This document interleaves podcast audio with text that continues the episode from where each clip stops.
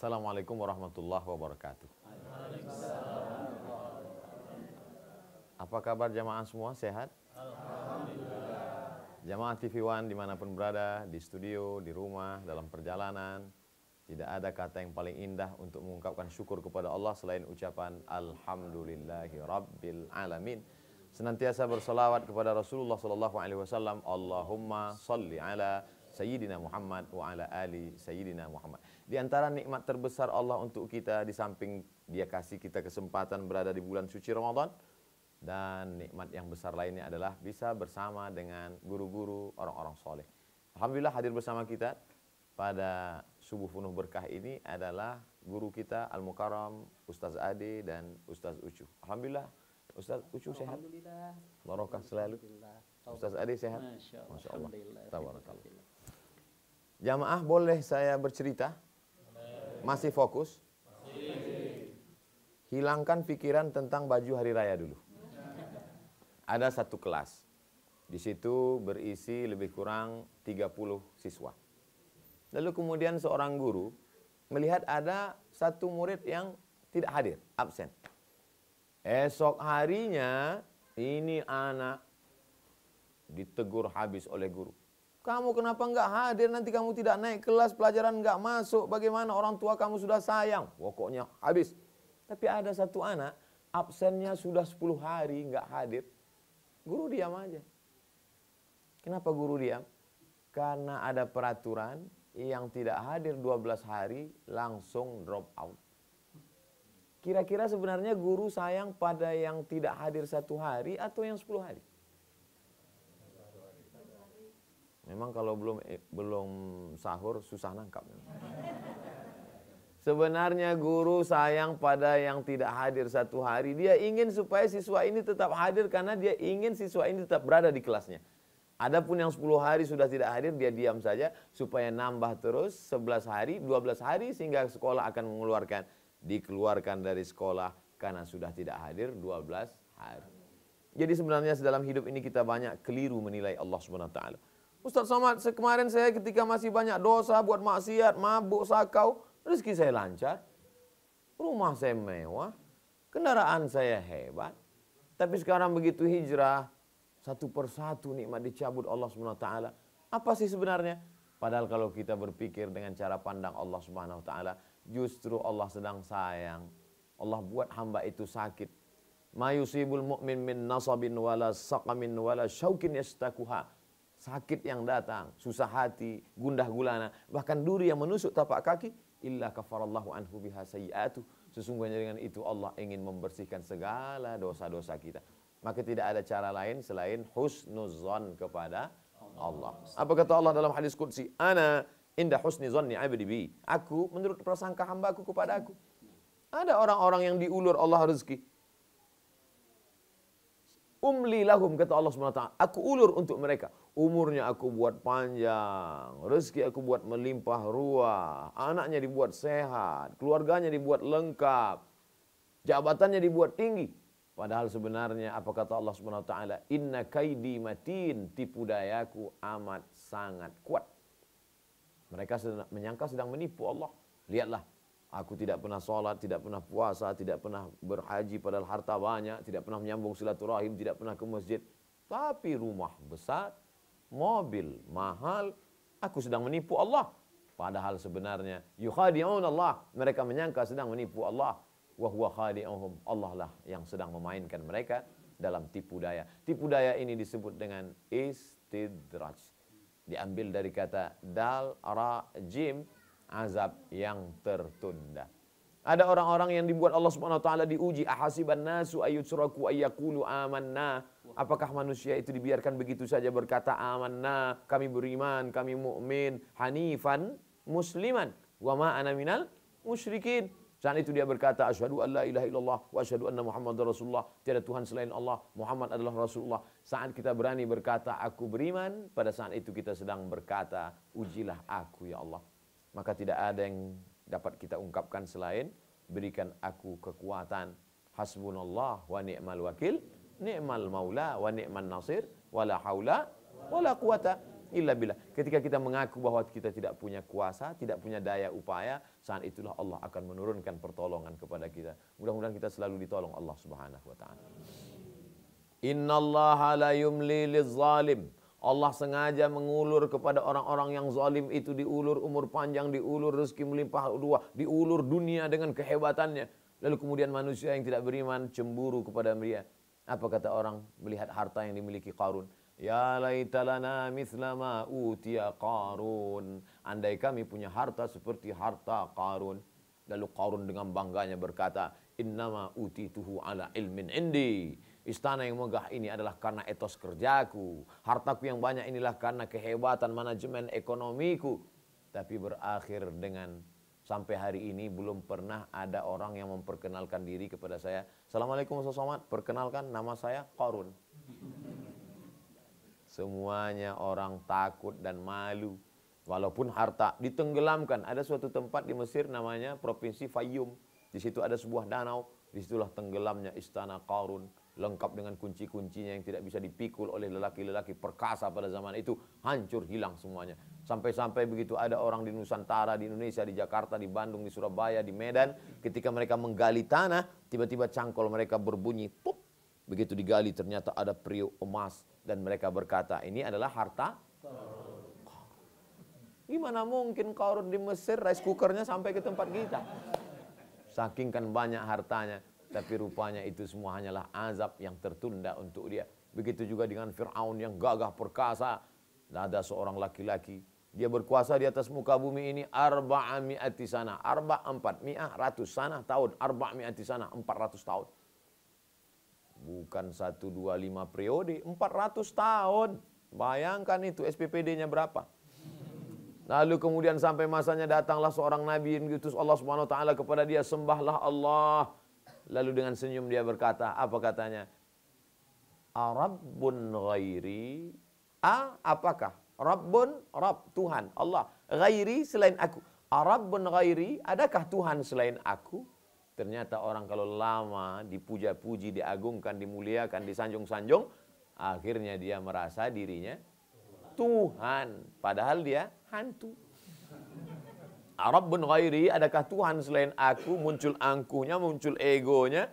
Laki-laki itu yang angkuh gagah perkasa dengan sombongnya berkata, apa ada Tuhan selain aku? Rasul utusan Allah itu pergi karena sudah menyampaikan risalah pesan Allah yang dibawa oleh malaikat. Bagaimana cara Allah menghukum dia? Seekor nyamuk datang masuk ke dalam lubang hidungnya. Masuk ke rongga, menggigit otaknya. Lalu kemudian dia mulai memukul-mukul kepalanya. Namun nyamuk itu tidak hilang. Malah nyamuk itu menggigit otaknya di dalam. Akhirnya dia menghantukkan kepalanya ke dinding. Dia ambil martil besar, dia pukul, mati. Allah Ta'ala ingin menunjukkan sehebat apa pun kuasamu, hai orang yang sombong. Ketika aku tidak menghendakimu, begitu mudahnya aku mematikanmu. Mati hanya karena seekor nyamuk. Si Fulan mati disambar petir. Gagah. Hebat kan? Mau mati disambar petir? Nauzubillah, nauzubillah. Tapi kalau matinya, kena itu yang gagah perkasa, yang hebat, yang berkuasa 400 tahun, itu matinya kenapa? Digigit nyamuk. Nauzubillah, thumma nauzubillah. Begitulah kalau Allah sudah tidak menghendaki. Kita berharap Jangan sampai kita termasuk orang yang tidak dikehendaki Allah Subhanahu wa taala. Kita berharap kehendak Allah dengan kehendak kita sama. Kehendak kita maunya tidur lelap, tapi Allah ingin berkata bangunlah dan kita bangun untuk bersahur. Maka kita satukan kehendak kita dengan kehendak Allah supaya kita termasuk orang yang dikehendaki Allah. Jangan ke mana-mana, kita akan lanjutkan setelah yang satu ini.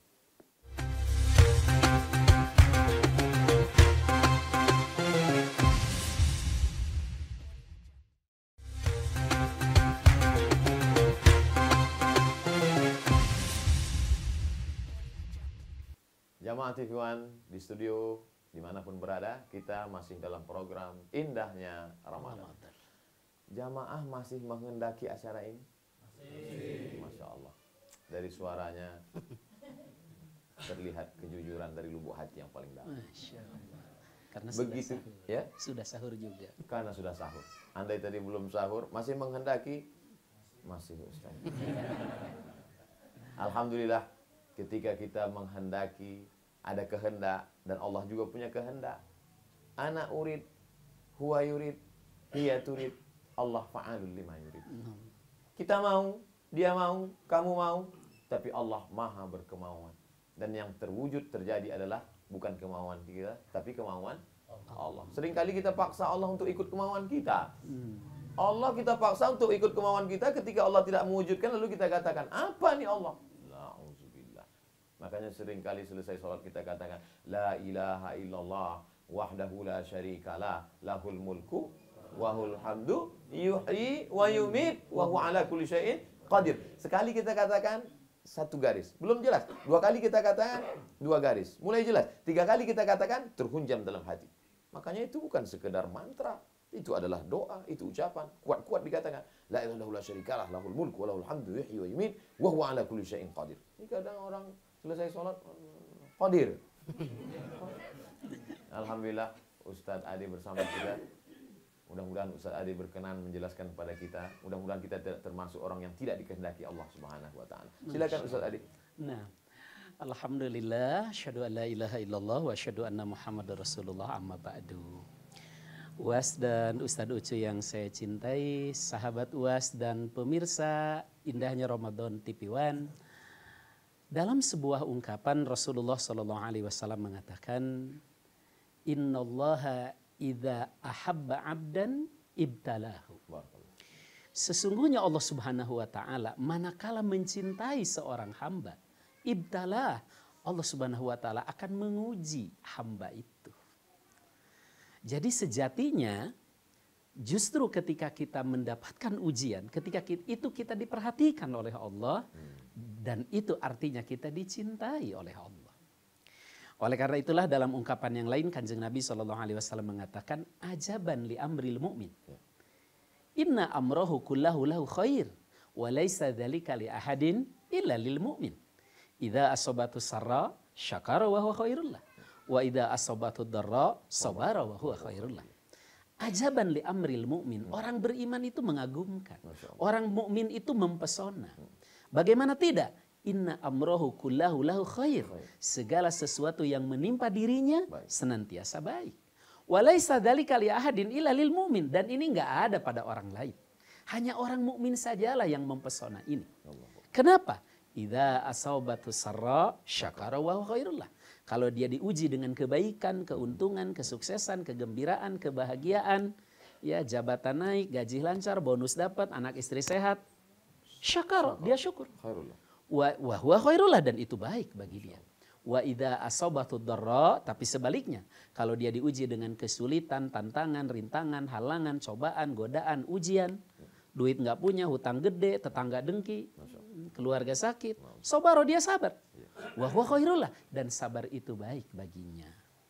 Jadi nampak sekali UAS dan sahabat uh, UAS serta pemirsa TV One yang saya cintai yang disayangi Allah Subhanahu wa taala Justru ketika Allah Subhanahu wa taala menguji kita dan bentuk ujian itu ada dua, yaitu sarra dan darra, kebaikan dan kesulitan, kita kemudian mensikapinya dengan dua hal, yaitu syukur dan sabar, maka ini adalah jalan kita untuk mendapatkan kebaikan dan mempesona di hadapan Allah Subhanahu wa taala. Yang masalah, yang bahaya adalah ketika Allah Subhanahu wa taala sudah mencuekkan kita. Sudah tidak peduli lagi, ya kan? Sehingga bahasa yang UAS tadi angkat adalah istidraj. Istidraj itu kalau bahasanya Ustadz Ucu nyungkun. Ya, kata orang Jawa ngelulu. Ya, ayo lo, ayo lo, ayo lo. Awas lo ya. ya. Kita melarang anak kita main. Di kalau di Priuk, di got. Ya, kita udah larang tapi tetap aja main. Akhirnya kata orang tuanya apa? Main, main, main. Nyebur lo ya sekalian. Itu bukan nyuruh, itulah istidraj. Akhirnya kemudian tidak peduli lagi. Naudzubillah min dalik manakala Allah sudah tidak peduli lagi. Yang kita harapkan adalah ketika kita diuji dengan dua hal, kita mensikapinya dengan baik. Oleh karena itulah, Uwais sering mengangkat ayat tentang wa may yattaqillah yaj'allahu makhraja. Coba perhatikan. Janji Allah kepada orang bertakwa bukan tidak diberikan ujian, tapi diberikan solusi atas ujian. Bukan tidak diberikan cobaan, tapi diberikan kesabaran atas cobaan itu wabashiri sabirin. Ya, maka setiap ujian, setiap tantangan, setiap cobaan hakikatnya adalah rasa cinta Allah Subhanahu wa taala kepada kita. Tadi di awal UAS sudah menyinggung bahwa itu menjadi kafaroh, kiparat atas dosa-dosa kita. Bahkan sekecil apa pun, hatta tertusuk duri sekalipun, itu akan berbuah pengampunan dari Allah Subhanahu wa taala. Oleh karena itu, Bapak Ibu, pemirsa TV One yang disayangi Allah Subhanahu wa taala, maka jangan pernah kecewa ketika menghadapi ujian, tapi sikapilah dengan syukur dan sabar, niscaya itulah mempesonanya seorang mukmin dan itu tanda Allah masih memperhatikan kita. Itu artinya kita masih disayangi Allah Subhanahu wa taala. Kita berlindung jangan sampai dicuekin, tidak dihiraukan, naudzubillah min dalik. Atau diberikan istidraj, dilulu. Ya diberikan sesuatu tapi bukan rahmat, namun sejatinya adalah laknat. Naudzubillah min dalik. Ramadan adalah bulan yang paling tepat untuk kita menjadikannya sebagai sarana menjadi mukmin yang mempesona yang diuji apa pun oleh Allah senantiasa baik. Barangkali Uas bisa menambahkan. Masya Allah, Ustaz Ade memberikan kita melihat dari sisi yang berbeda. Selama ini kita menganggap kalau ada uang, ada jabatan, ada harta benda, berarti Allah sayang dengan kita. Kalau tidak ada uang dalam keadaan sulit ekonomi, banyak musuh, berarti Allah benci pada kita. Kalla, tidak seperti itu. Lihatlah dari sisi yang lain, Padahal sebenarnya inilah yang membuat orang kadang setelah hijrah dari perbuatan dosa lalu dia mengutuk. Mhm. Kalau sekedar mengutuk nasib baru satu dosa ini mengutuk Allah Subhanahu wa taala. Dulu saya sebelum hijrah hidup saya enak aja, adem ayam. Sekarang kok gini Ustaz? Komplainnya ke Ustaz lagi. Nauzubillah. Padahal sebenarnya begitu cara Allah untuk menghapuskan segala dosa-dosanya di masa nah, yang lalu. Nah. Hatta yamshi 'alal ardi ma kanat 'alaihi khati'ah ada orang yang dibuat Allah begitu dia buat dosa langsung sakit. Dibuat Allah dosa langsung hilang. Dan dibuat Allah langsung kebakaran. Dibuat Allah langsung supaya apa? Hatta yamshi 'alal ardi makanan alaihi khati'ah sampai dia berjalan di atas muka bumi tidak ada dosanya sedikit pun karena dia bersih sebersih-bersihnya. Nah. Tapi ada pula sebaliknya orang yang dibiarkan Allah Subhanahu wa taala biar aja numpuk dosanya sekalian supaya ya supaya apa? Supaya ketika masuk dalam neraka jahanam langsung sampai ke kerak-keraknya. Khalidina fiha abada. Nauzubillah. Sebenarnya setelah ngaji itu, apakah setelah kita hijrah ngaji dekat dengan ulama mujalawatus salihin, apakah setelah itu kita tidak lagi diuji Allah Ta'ala? Justru ujian datang silih berganti. Lihatlah bagaimana ujian yang datang kepada Nabi Ibrahim alaihissalam. Nabi, makanya kata Allah, susil qasasa. Ceritakan kisah-kisah itu wahai Muhammad SAW. Gunanya apa? La'allakum yatafakkarun. Kisah yang disampaikan Ustaz Ucu, kisah yang disampaikan Ustaz Ade. Sebenarnya untuk mengajak kita berpikir. Karena kalau lampu menghidup mematikannya cukup dengan stop kontak hidup. Tapi untuk mengajak berpikir ini bagaimana? Dengan mendengar kisah-kisah itu. Maka selama ini banyak orang sebenarnya isi kepalanya off. Karena Allah masih sayang nggak kelihatan. Kalau Allah tidak sayang tertulis ini off. Ustaz Ucu dan Ustaz Adi sudah mengonkan pikir. Mengonkan, bukan mengonkan. Mengonkan supaya kita berpikir. Nah, kita akan teruskan lagi berpikir dan mendapatkan jawaban-jawabannya setelah yang satu ini. Masya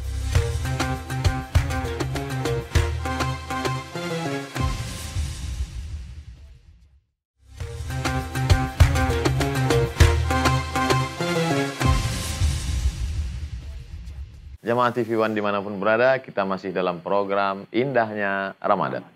Rasulullah SAW itu tidak hanya bicara searah. Beliau tidak membuka ruang untuk pertanyaan hanya pada khutbah Jumat saja. Hmm. Bahkan banyak jawaban-jawaban itu dari pertanyaan jamaah. Yas'alunaka 'anil khamri wal maisir. Mereka bertanya kepadamu tentang khamar dan judi. Yas'alunaka madza yunfiqun. Mereka bertanya kepadamu tentang apa yang mesti mereka infakkan. Yas'alunaka 'anil ahillah. Mereka bertanya kepadamu tentang anak bulan. Yas'alunaka 'anil mahyid. Mereka bertanya kepadamu tentang menstruasi. Iza sa'alaka ibadi anni fa inni qarib. Kalau mereka bertanya kepadamu tentang aku, katakan aku itu dekat. Nah, tentu jamaah dari ulasan yang disampaikan oleh Ustaz Ade dan Ustaz Ucu, ada yang mengganjal di pikiran, jangan tanya sendiri, jawab sendiri, nyasar sendiri. Nah, insya Allah Ustaz-Ustaz kita tidak pernah marah kalau ditanya, mereka akan memberikan jawaban yang terbaik menurut Al-Quran dan Sunnah Rasulullah Sallallahu Alaihi Wasallam. Baik, jamaah ada yang ingin ditanyakan? Masya Allah, semuanya mau bertanya Ustaz. Ustaz Ade, Ustaz Ucu, ini respon jamaah luar biasa. Padahal biasanya jamaah kalau habis sahur itu ada yang mau ditanya, semua enggak ada. Tapi hari ini Masya Allah, Tabarakallah. Baik, Bapak-Bapak dulu. Sil uh, Mungkin harus dipilih karena semua banyak sekali banyak. Uh, baik Bapak, silakan. Assalamualaikum warahmatullahi wabarakatuh. Nama saya Yusuf Tahir. Uh, saya mau bertanya ke Ustadz Ucu. Ustadz, anak yang soleh tadi dijelaskan adalah rezeki. Lalu bagaimana cara seorang anak menyikapi orang tua yang tidak bisa mensyukuri rezeki yang Allah berikan? Anak soleh adalah rezeki. Bagaimana menyikapi orang tua yang tidak mensyukuri rezeki dari Allah? Nah, ini jawabannya luar biasa. Ditujukan kepada Ustaz Ustaz Ucu. Baik, kita tahan dulu. Uh, Ibu banyak sekali tadi. Baik, Ibu, silakan. Assalamualaikum warahmatullahi wabarakatuh, Ustaz. Nama saya Nama saya Gemilang. Saya mau bertanya Ustadz, bagaimana ciri-ciri istri yang solehah? Boleh ditanyakan ke Ustadz Adik. Baik, kita dengarkan jawaban dari Ustadz Ucu. Bagaimana sikap seorang anak yang orang tuanya tidak mensyukuri nikmat Allah, nikmat rezeki punya anak. Gimana kira-kira Ustaz? Iya. Alhamdulillahirrabbilalamin. Ibnul Qayyim Az-Zawziyah beliau menyampaikan, Ida ro'aita mas'alatan pil walad pandur arba'an. Apabila engkau melihat masalah yang tidak beres-beres di anak, maka lihatlah empat hal. Dan di antaranya adalah apa? Ida ro'aita pandur abawahu, orang tuanya. Terkadang anaknya soleh, itu orang tuanya itu jadi jadi terus bermasalah itu. Jadi artinya ketika ada proses nanti ketika orang tua tidak mensyukuri kenikmatan yang ini, ini anak lama-lama juga akan ada perubahan sikap.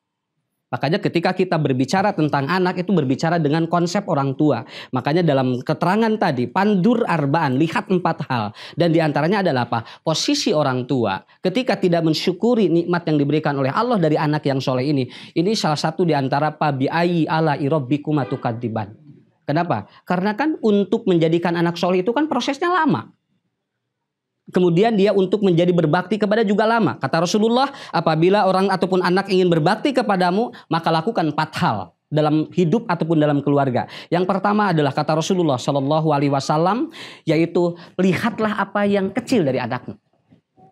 Ini kan salah satu nanti anak akan berbakti kepada kita kan. Supaya nanti orang tua juga paham apa yang harus dilakukan oleh orang tua terhadap bantu kata Nabi katanya. Wa yusya'id bantulah anak untuk melakukan patah. Satu artinya lihat apa yang kecil di anak. Yang kedua adalah apa? Jangan remehkan potensi yang ada di anak. Yang ketiga jangan bebani otaknya. Dan yang keempat adalah jangan kau maki anak Anda. Kenapa? Memaki anak sama dengan anak tidak menikmati rezeki dari Allah. Setiap hari anak ini capek buat otaknya. Dia dibombardir dengan bermacam-macam makian dari orang tua. Beban yang sangat luar biasa. Muncullah penyakit-penyakit di anak-anak. Akhirnya apa? Anak yang tadinya musoleh jadi tidak. Kenapa? Orang tua yang tidak mensyukuri nikmat Allah itu lama-lama akan terkikis kehidupan yang tadinya baik menjadi tidak baik. Jadi saya kira tugas kita sebagai orang tua harus betul-betul kita betul-betul harus maksimal luar biasa. Ketika mendapatkan anak yang soleh, Insya Allah. Itu akan tadi dalam hadis Nabi ada seorang yang masuk surga. Lalu dia kaget. Ya Rasulullah saya tidak punya amal yang baik. Tapi ternyata saya masuk surga. Ada apa katanya ini? Kemudian, eh Robbi ayu syai'in hada. Payakulullahu aja wajalla li istighbari waladi kalaka. Tuh anakmu tiap hari berdoa untuk mengampuni dosa-dosamu kepada Allah. Jadi anak yang sukses, orang tua yang sukses bukan yang menjadikan anaknya jadi pejabat, anaknya jadi konglomerat, anaknya dia itu sekolahnya tinggi, tapi yang membuat anaknya berdoa tiap hari. Robbana gfirli wali walidayya warhamhuma kama robbaya disogiro. Itu kata Nabi sukses orang tua itu. Jadi saya kira memiliki anak yang itu aja udah cukup. Masya Allah, tabarakallah jawaban dari Ustaz Ucu. Supaya kita orang tua yang selama ini ada ungkapan anak durhaka ternyata kenakalan orang tua juga luar biasa. Jawaban Ustaz Ucu mengingatkan kita lagi bahwa ada hal kecil terkecil kita sepelekan remeh-temeh tapi sebenarnya itu besar di hadapan Allah.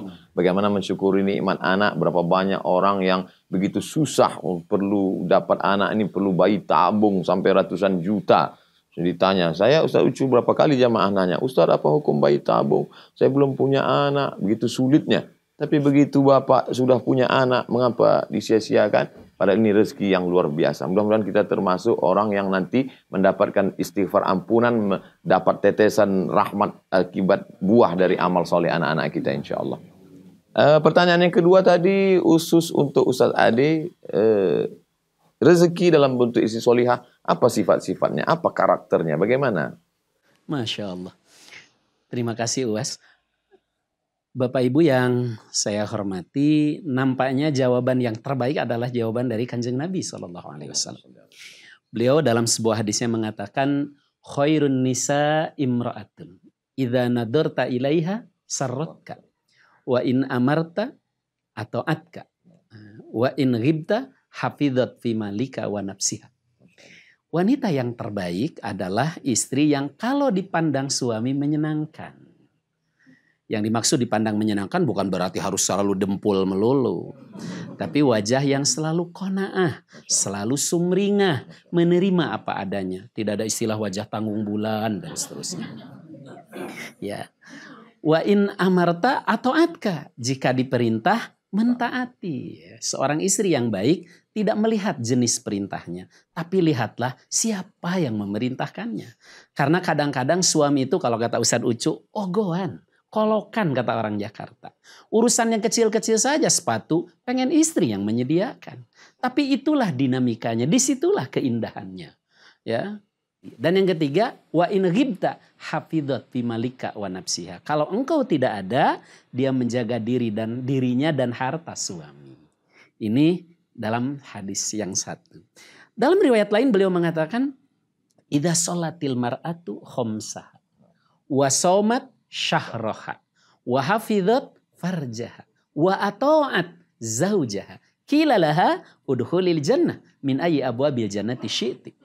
Kalau wanita sudah sholat lima waktu, saum satu bulan di bulan Ramadan, menutup aurat menjaga kehormatan dan taat pada suami, nanti akan dikatakan pada hari kiamat, silahkan masuk surga dari pintu mana saja yang engkau mau. Ini dari dua hadis tentang ciri-ciri wanita salihah. Saya yakin UAS punya hadis lain yang bisa ditambahkan. Hmm, tungkahul mar'atu li arba. Perempuan dinikahi karena empat. Lima liha karena hartanya. Berapa banyak bapak-bapak ketika kita tanya, kenapa bapak milih ini? Sebenarnya dulu banyak yang mau Pak Ustadz, tapi ini cincin emasnya yang paling banyak. Yang kedua, wali hasabiha karena keturunan darah biru. Masya Allah, tabarakallah. Ini keturunan bangsawan Pak Ustadz. Apa itu? Bangsa yang hidup di awan. Lalu kemudian wali jamaliha. Jamal dengan alif artinya karena cantiknya. Tapi kalau tidak dengan alif, wali jamaliha karena ontanya.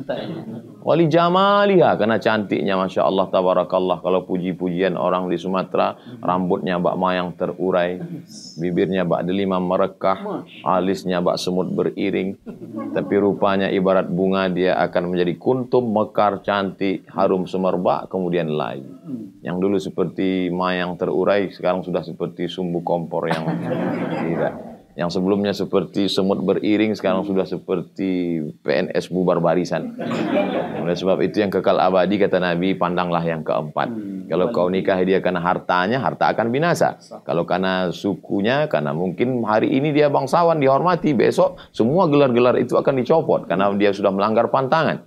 Kalau kau nikahi karena rupa, bentuk rupa akan berubah. Seiring zaman dia akan berganti maka ada sesuatu yang kekal abadi wali diniha karena agamanya. Fazfar bidzatid din pandanglah karena agamanya. Taribat yadaka maka insya Allah engkau akan selamat. Tapi orang memahami rezeki itu kembali lagi lagi-lagi karena harta. Dia dinikahi karena hartanya laki-laki juga diterima maka Masya Allah, Tabarakallah, sering duduk mujalah satu solehin duduk dengan orang soleh, tidak hanya mendapat keberkahan ilmu, tapi cara pandang kita dengan hidup berubah. Banyak orang menganggap kalau sudah hijrah itu rezeki saya akan berubah. Tapi justru Ustaz Somad katanya kalau hijrah rezeki berubah sekarang saya sudah hijrah, malah rezeki saya berkurang. Karena pandangannya salah yang dianggapnya rezeki hanyalah gajinya, uang bulanannya, uang korupsinya, uang hasil, uang sundul, uang sipak, uang tunjang, uang tanduknya. Hmm. Padahal sebenarnya bukan itu. Justru ketenangan, ketenangan batinnya lebih tenang. Lalu kemudian anak-anaknya soleh dan solehah. Maka kita berharap dengan cara pandang yang baik ini, kita ke depan juga selalu diberikan rezeki yang baik-baik insya Allah. Udukhulu min bin mutafarriqah. Masuklah dari pintu yang beraneka ragam. Jangan hanya dari satu pintu saja. Karena kalau kita melihat dari satu pintu, maka kita akan menganggap pintu yang lain tertutup. Tapi begitu kita lihat ada banyak kebaikan-kebaikan, maka insya Allah keberkahan. Allah barik li ummati fi bukuriha. Berikan berkah pada umat ini pada waktu paginya. Semakin pagi kita bangun, maka semakin di situ pula kita mendapatkan keberkahan-keberkahan. Keberkahan itu seperti burung yang terbang. Maka ketika burung terbang melihat ada dahan seperti eh, madu, seperti lebah yang terbang, dia lihat ada situ bunga-bunga, maka di situ dia akan makin banyak. Maka ketika kita bangun pada waktu pagi, membiasakan di awal hari, setelah itu beristighfar, di situlah dibukakan Allah pintu keberkahan-keberkahan. Karena setiap yang berpuasa di Ramadan pasti dia akan sholat berjamaah. Setelah sholat berjamaah subuh dia akan duduk menunggu qobliyah, khairum minat dunia wa mafiha. Dan setelah itu pula dia akan sholat subuh berjamaah, duduk berzikir mendengarkan tausiah kultum subuh. Maka insya Allah Allah bukakan pintu rezeki kita insya Allah. Amin. Ya Rabbal Alamin. Jangan beranjak dulu, jangan ke mana-mana. Kita akan lanjutkan setelah yang satu ini.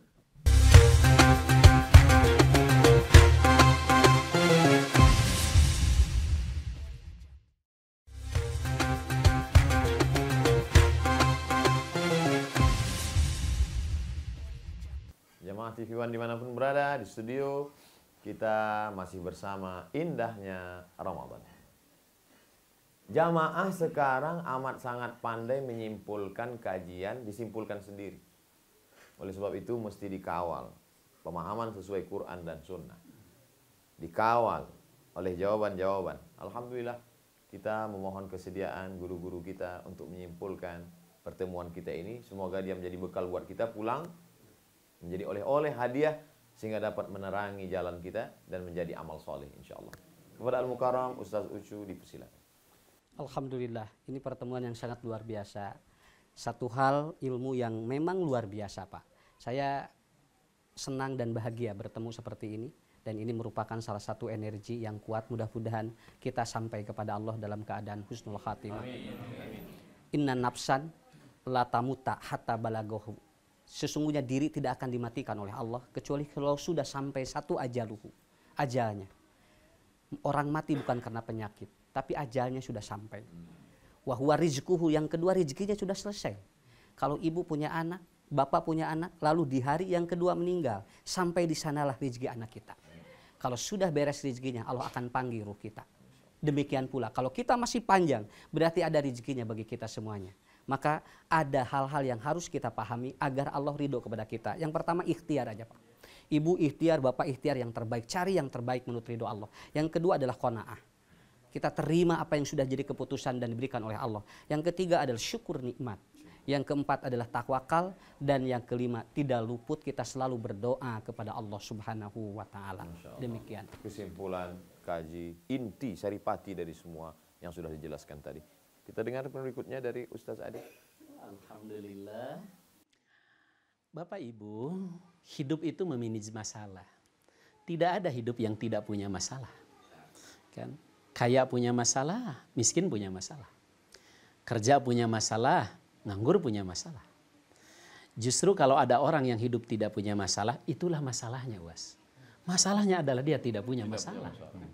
Hidup itu memanage masalah. Oleh karena itu, jangan berburuk sangka atau suudzon billah ketika Allah menguji kita dengan masalah. Karena bagi kita yang terpenting bagaimana Allah memberikan solusi atas masalah itu. Bukankah janji Allah wa may yattaqillaha yaj'al min amrihi yusra. Siapa yang bertakwa kepada Allah, buah dari Ramadan yang kita raih, Allah akan mudahkan segala urusannya. Urusan apa? Urusan apa saja. Urusan keluarga, urusan anak, urusan pekerjaan, urusan bisnis, urusan apa saja. Semua akan Allah mudahkan.